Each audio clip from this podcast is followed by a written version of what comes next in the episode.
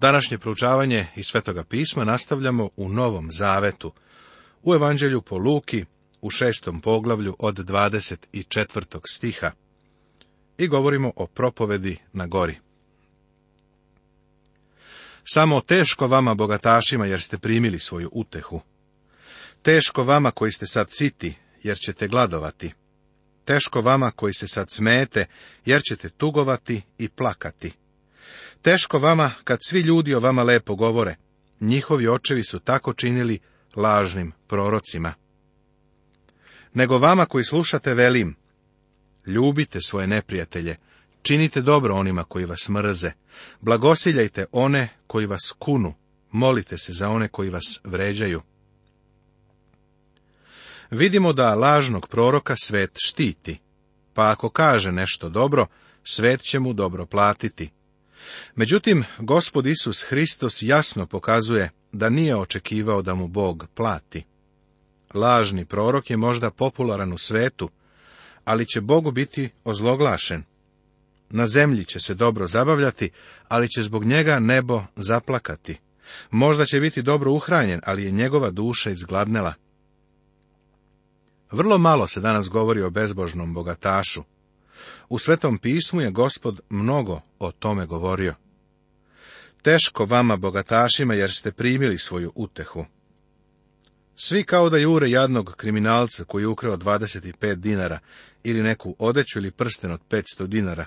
Međutim, bezbožni siromah nije ni približno opasan kao bezbožni bogataš.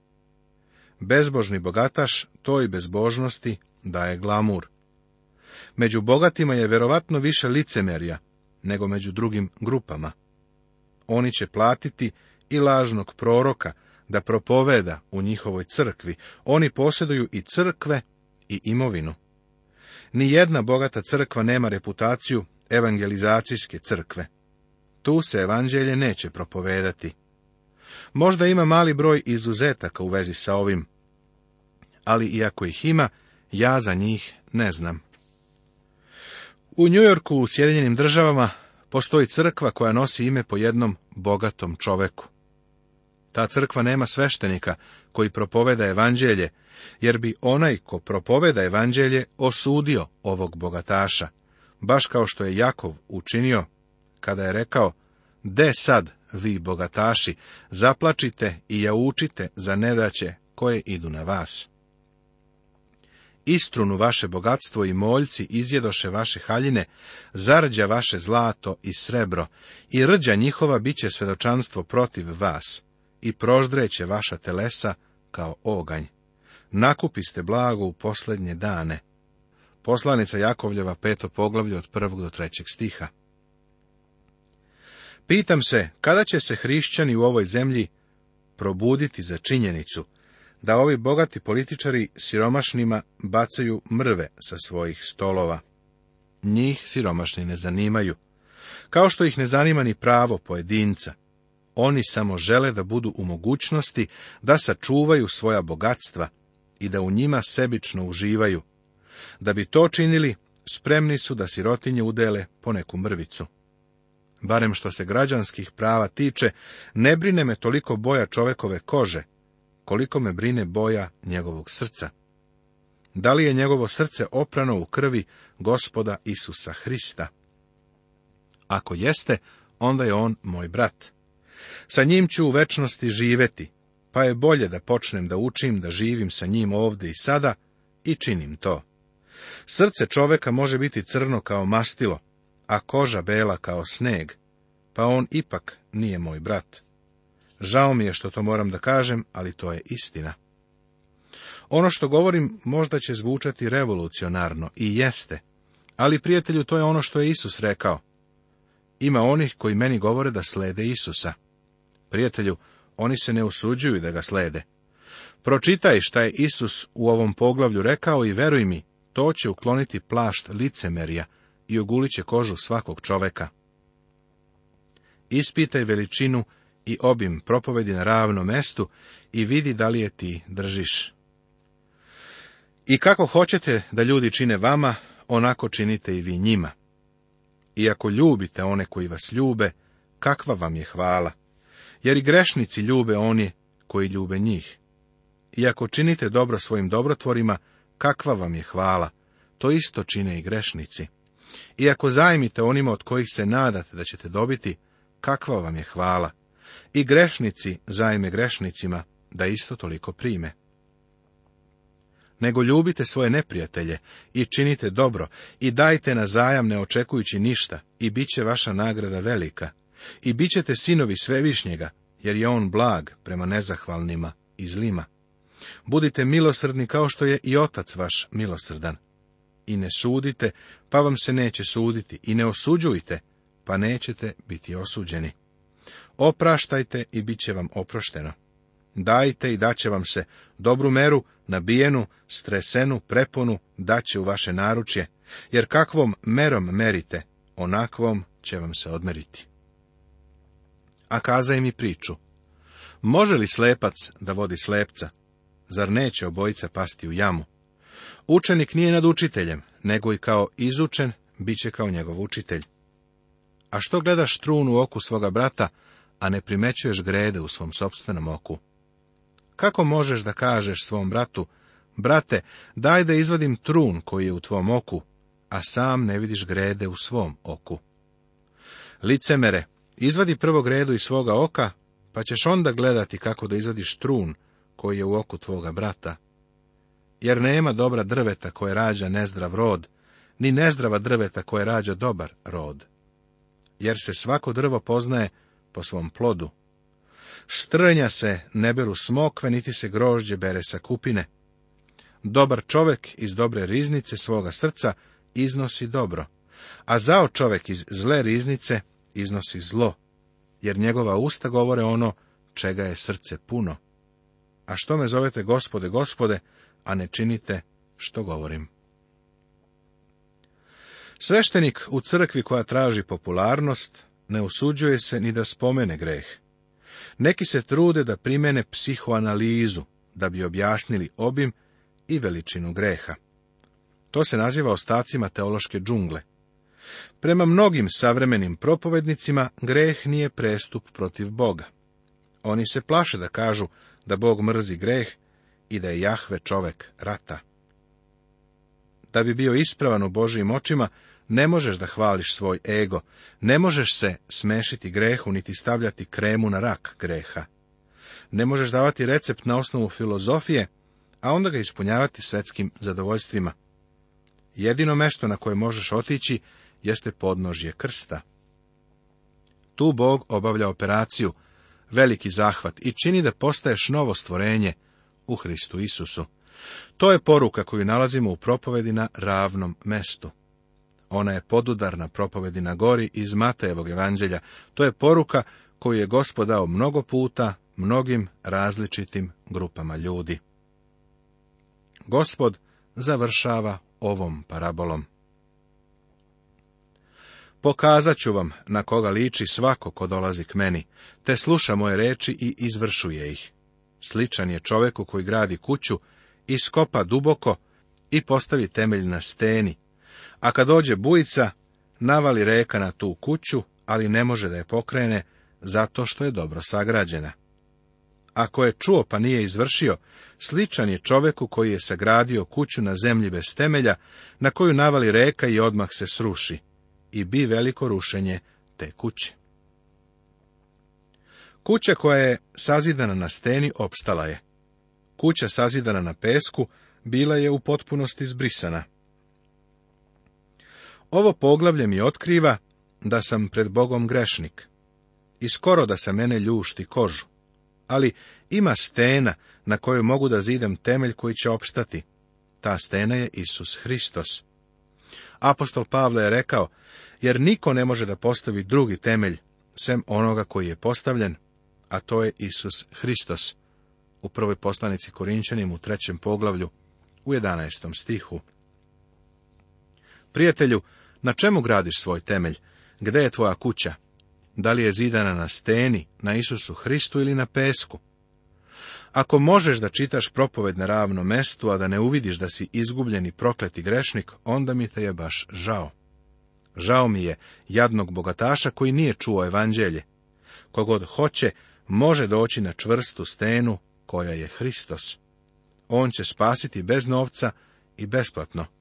Priđi mu s jednostavnom verom i pouzdaj se u njega.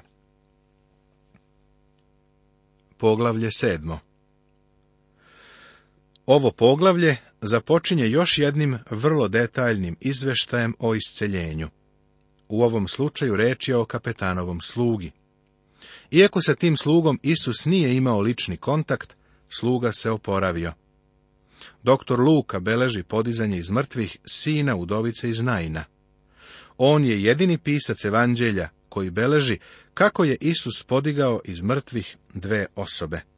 Druga je bila Jairova kći, o čemu ćemo vidjeti u osmom poglavlju. U ovom poglavlju nalazi se i osamnaest priča koje samo Luka zapisuje. Potekle su iz Isusove posjete domu jednog fariseja, kada je jedna žena pomazala Isusove noge. Jednostavna priča o dva dužnika otkriva da je ova žena sa ulice bila bolja od Simona Fariseja. Isus isceljuje kapetanovog slugu. Pošto je svršio sve svoje reči pred narodom, uđe u Kafarnaum. A sluga jednoga kapetana, koga je on cenio, beše bolestan na umoru. Čuvši za Isusa, posla k njemu judejske starešine moleći ga da dođe i izleči njegovog slugu.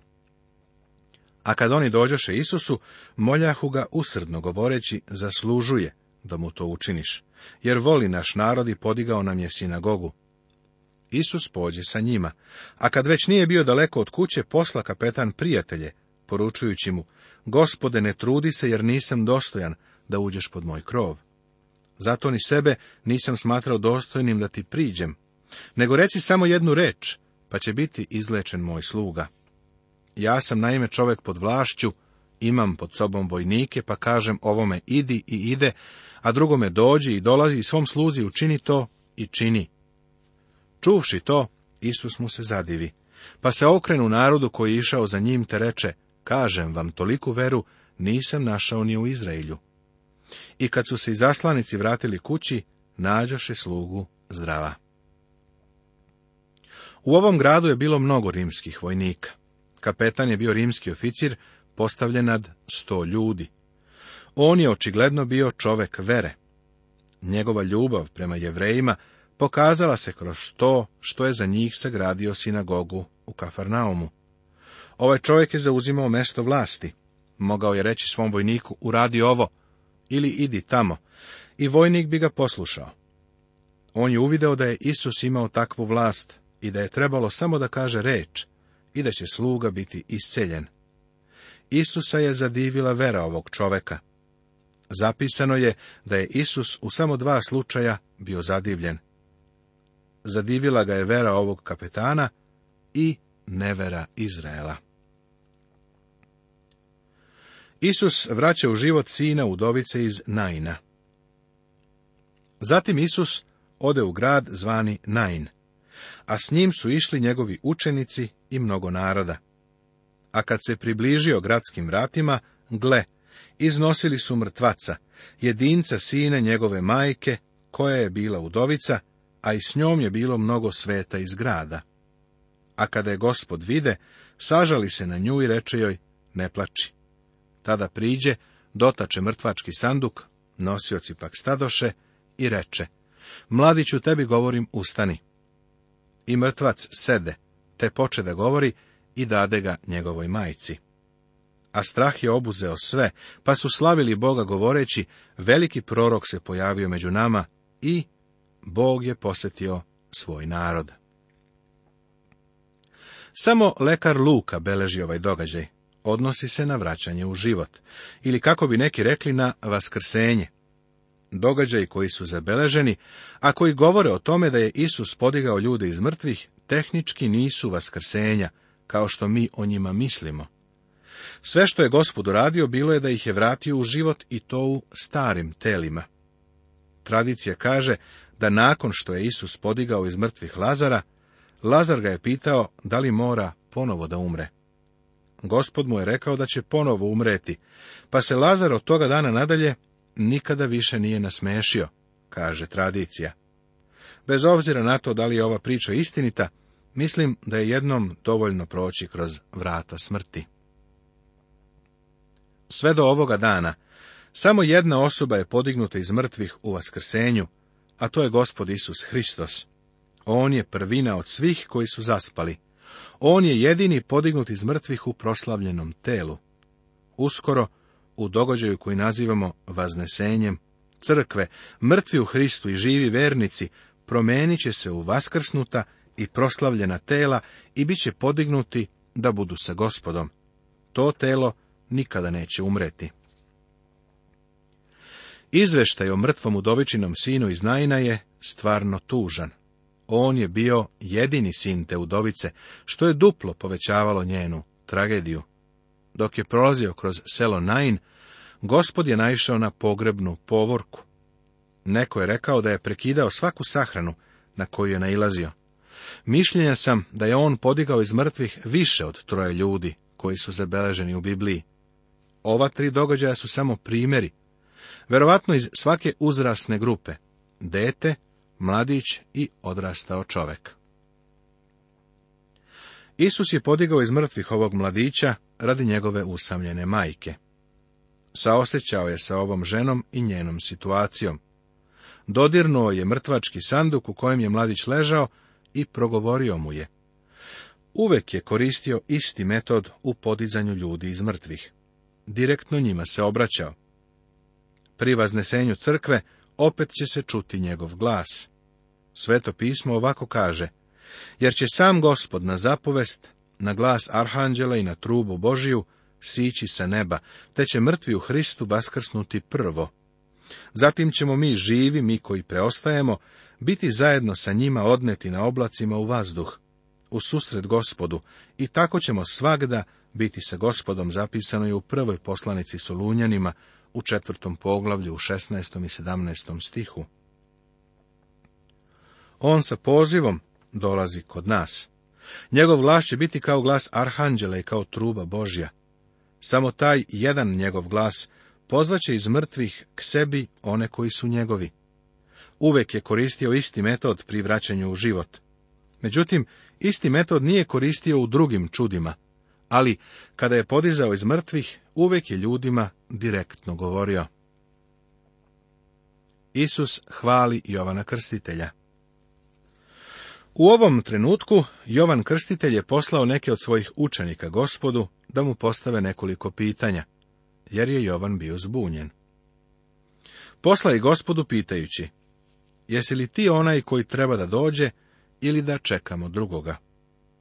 Kada su pak ovi ljudi došli k njemu, rekoše, Jovan Krstitelj nas je poslao k tebi i pita, jesi li ti onaj koji treba da dođe ili da čekamo drugoga? U Matejevom i Markovom evanđelju već smo sreli Jovana Krstitelja. Njegova odeća je bila vrlo živopisna i neobična. Ima nekih danas koji se opredeljuju za određenu, neobičnu odeću, koja ukazuje na religioznu opredeljenost ili zaslepljenost. Iako je tačno da se Jovan Krstitelj neobično oblačio, nije ga to činilo neobičnim. Njegova poruka i služba su ga odvajale. Bog ga je pozvao. A nama bi bolje bilo da smo sigurni da nas je Bog pozvao ako nameravamo da nosimo religioznu odeću.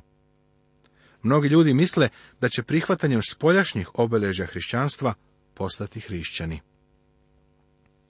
Ne tako davno, jedna mlada žena je stala ispred našeg glavnog sedišta za emitovanje radioprograma. Posmatrala je, a zatim je upitala čime se bavim. Rekao sam joj da sam sveštenik, a onda sam ju pitao šta čovjek treba da radi da bi postao hrišćanin. Odgovorila mi je da bi čovjek postao hrišćanin, treba da bude dobro prema komšiluku, da ne sme nikog da kritikuje, da treba da bude prijatan, a ne osion. Nastavila je sa značajnim nabrajanjem svega što čovjek treba da radi da bi bio hrišćanin. Rekao sam joj, mislite da je hrišćanstvo nešto što radite s polja? Nije. Hrišćanstvo je lični odnos sa Isusom Hristom. To je više od toga da se trudite, da oponašate Hrista ili da nosite nekakvu religioznu odeću. Morate biti nanovorođeni. novorođeni. Biti hrišćanin znači imati iskustvo sa Hristom. Ko je u Hristu, novo je stvorenje. Jovan Krstitelj kao da je pogrešno postavljen u Novi Zavet. On uopšte ne pripada Novom Zavetu, on je posljednji slavni prorok, starozavetni prorok. On je most iznad razjapljenog bezdana između starog i novog zaveta. On se upoređuje i uranguje se Samuilom, Ilijom, Isajom i Jeremijom. Ljudima kojima je propovedao, Isus je rekao, Teško vama, književnici i fariseji, licemeri, što gradite grobove proroka i ukrašavate spomenike pravednika i govorite, da smo živjeli u vrijeme svojih otaca, ne bismo bili njihovi saučesnici u krvi proroka. Tako svedočite za sebe da ste sinovi onih koji su pobili proroke. Oni su dokazali da su prava deca koja su nasledila prirodu svojih otaca, jer je Jovan Krstitelj, posljednji od starozavetnih proroka u ovo vrijeme već bio u zatvoru, a njegov glas će se uskoro učutkati smrću. Nastavit će se.